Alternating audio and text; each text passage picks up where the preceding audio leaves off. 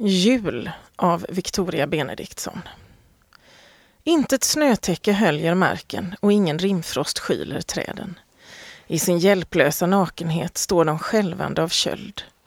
Ingen måne ger landskapet ljus, det är bara en grådaskig skymning och över slätten stryker en däven vind som kyler genom märg och ben. Vägen är uppältad och fötterna hänger fast i den leriga jordmånen som är så seg att den binder. Det är en liten genväg utan skärv och sten, endast trampad, icke körd. Uppför backen kommer en liten gubbe stretande med sin kärra. Det är styvt lass för en så gammal man och kanske har han långt att gå. Stegen är så tunga. Med ett plask sjunka träskorna ner i mörjan och med ett sugande ljud dragas de upp igen. Men efterhand som han närmar sig backens topp blir marken fast och då går det lättare. Till sist stannar han uppe på höjden där vägen går jämnt ett litet stycke tills den bär ner för igen. Han pustar några gånger, skjuter mössan tillbaka och torkar pannan med ärmen av sin fårskinnspäls. Det var sista uppförsbacken, men också den värsta. Skymningen tätnar, den som nu vore hemma. Han spottar i nävarna, gnider deras styva innersidor och fattar åter tag. Nu går det utför, nu är det inte fråga om att träla med lasset. Kärran får fart av sig själv. Han går raskt, raskare än han vet om, ty han tänker på fisk och gröt.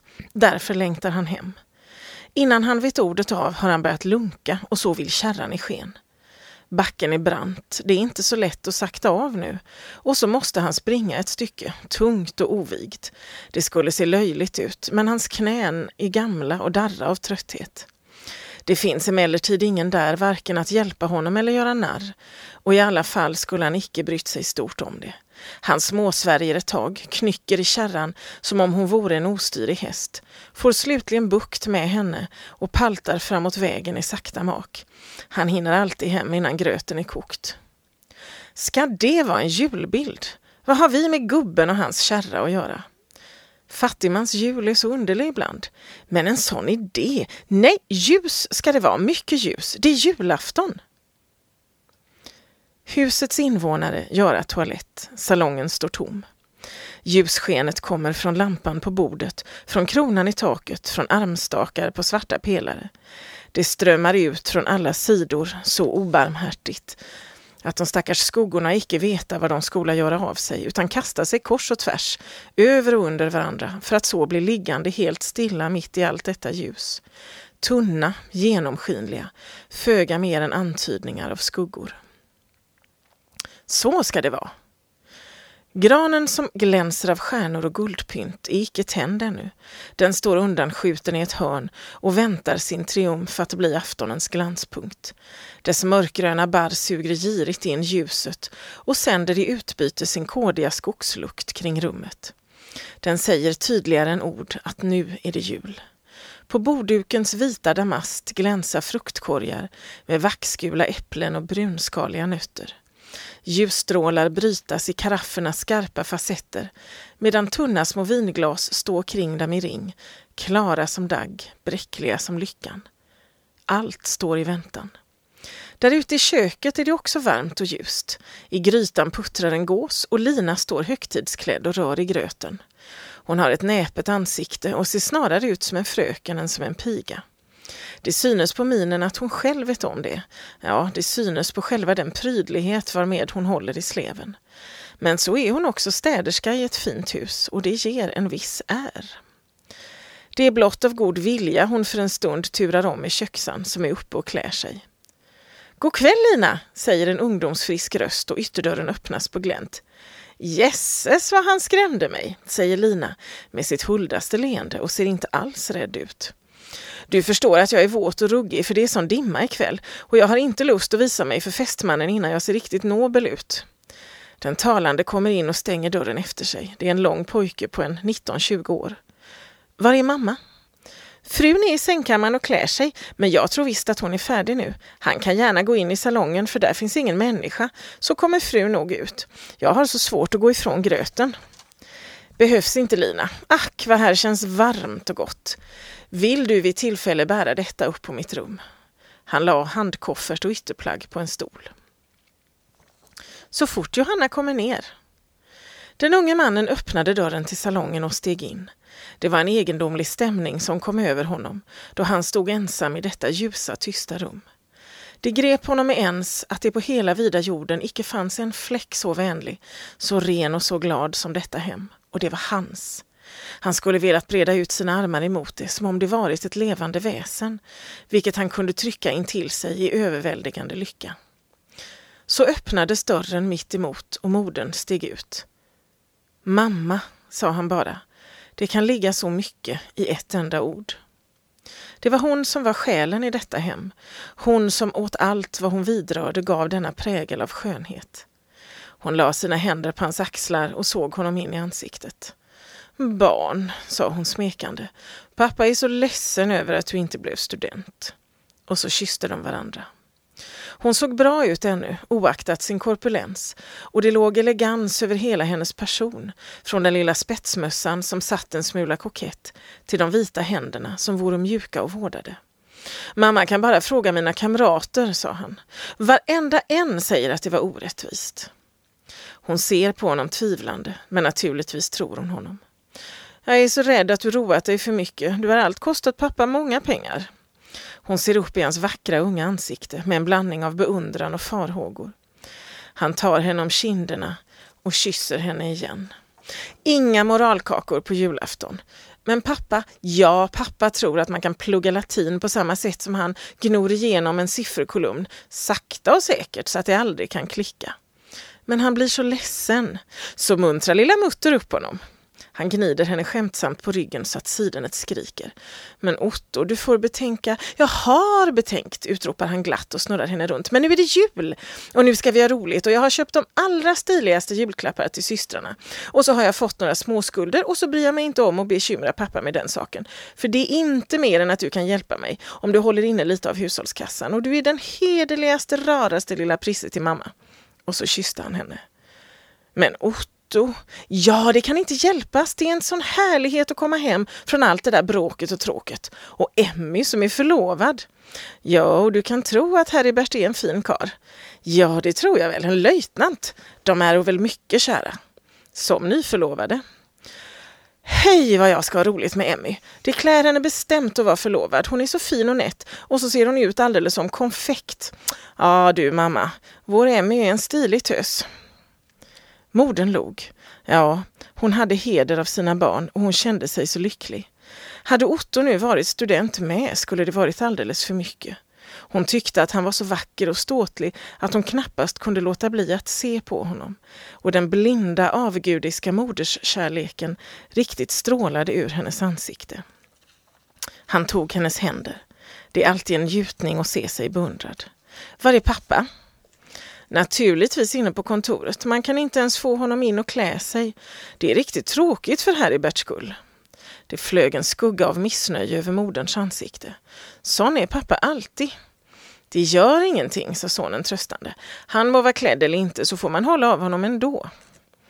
Det var en tacksam blick han fick för dessa ord, för detta överseende med faderns svaghet. De tryckte varandras händer. Det fanns icke ett moln på familjelivets himmel. Vid pulpeten satt fadern, lutad över den stora kassaboken med huvudet vilande i händerna. Men han arbetade ej. Det var ett vackert huvud med vågigt grånande hår. Men när han nu satt där ensam låg det något betryckt över hållningen och ett drag av grämelse i uttrycket. En rastlös, aggande oro som nött djupa fåror i hans ansikte. Det var sällsamt vekt, detta ansikte. Han var helt försjunken.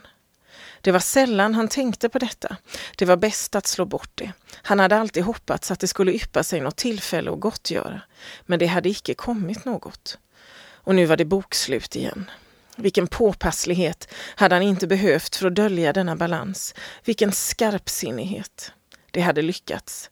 Men den hade vuxit som en lavin. Nu kunde det ej dröja länge. Den måste falla ner över dem alla. Nu såg han det. Han hade hållit emot av alla krafter och väntat på räddning, förgäves. Nu var den honom övermäktig. Innan nästa jul, ja, det var otänkbart annat. Det kändes som om en skoningslös hand gripit tag om hans strupe. Olyckan tyngde honom ner till graven, tyckte han. Om han bara finge dö innan det blev uppenbart, dö omgiven av det sina, in i det sista värmd av den kärlek för vilken han offrat så mycket, även det ingen äger rätt att offra. Nu fanns det endast en lycka och det var denna. Han knäppte samman sina händer och bad så ihållande som ett barn ber i sin yttersta ångest. Han bad om detta enda och fram under hans slutna ögonlock pressade sig två brännande heta tårar. Innan nästa jul, innan nästa. Och denna sista ville han göra så ljus och glad. I denna sista högtid ville han riktigt frossa av deras ömhet. Han kände inga förebråelser, endast smärta. Om han fått börja från början skulle förhållandet blivit detsamma. Han kunde icke säga nej, icke till dem. Han kunde icke bära missnöje, icke av dem. Icke säga hela sanningen, icke till dem. Det var allt. Han kunde icke leva utan tillgivenhet. Därför hade han köpt den. Köpt den så länge av hustru och barn att han nu var en ruinerad, ärelös man. Vad han var gammal och trött. Han reste sig tungt. Nu var det jul, nu väntade man honom där inne. Ett matt glädjeskimmer flög ännu över hans ansikte vid tanken på ljusen, glammet och all denna tacksamhet för de vackra julpresenterna. Han hade lidit så mycket att han tyckte själva lidandet måste vara en försoning. Rikemans jul är underlig ibland. Kärran står i skjulet och morfar själv har redan kommit i andra kläder och sitter skinande nytvättad i kakelugnsbänken, klädd i sina bästa mörkblåa vadmalströja som ser styv och ny ut trots sina 30 år. Far sitter framme vid bordet och läser en skrynklig tidning som gått ur hand i hand tills den blivit slinkig och slö som en gammal riksbanksfemma. Det lyser en fotogenlampa på bordet, en riktig fotogenlampa men utan kupa, ty det är en så kallad springlampa. Men här lyser den upp förträffligt.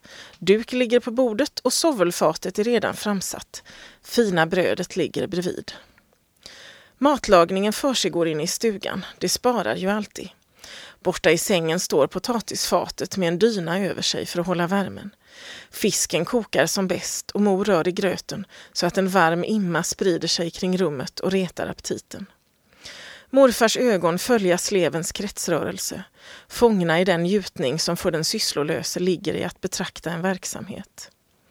Moran har knappt hunnit 30-talet men ser äldre ut om man vill jämföra henne med de högre klassernas kvinnor.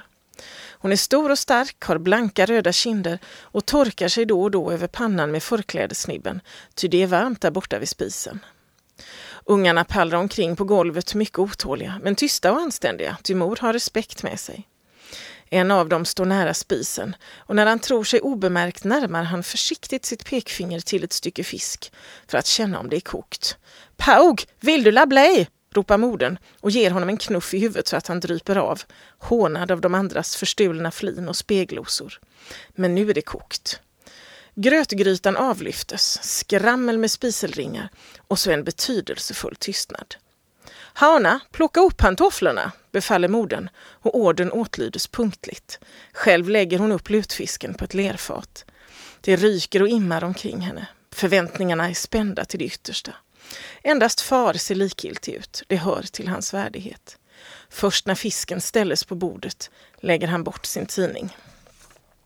Se så, nu är det Maud, säger modern åt barnen och i en blink är de på sina platser. Och nu är det jul i stugan.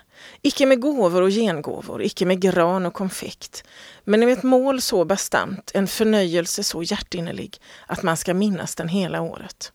Morfar, nu är gröden på bordet, säger far och morfar kliver fram till bordet. Icke längre en tanke på att kärran var tung eller vägen lång, eller att yngre ben än hans borde traskat den. Endast gröten, gröten.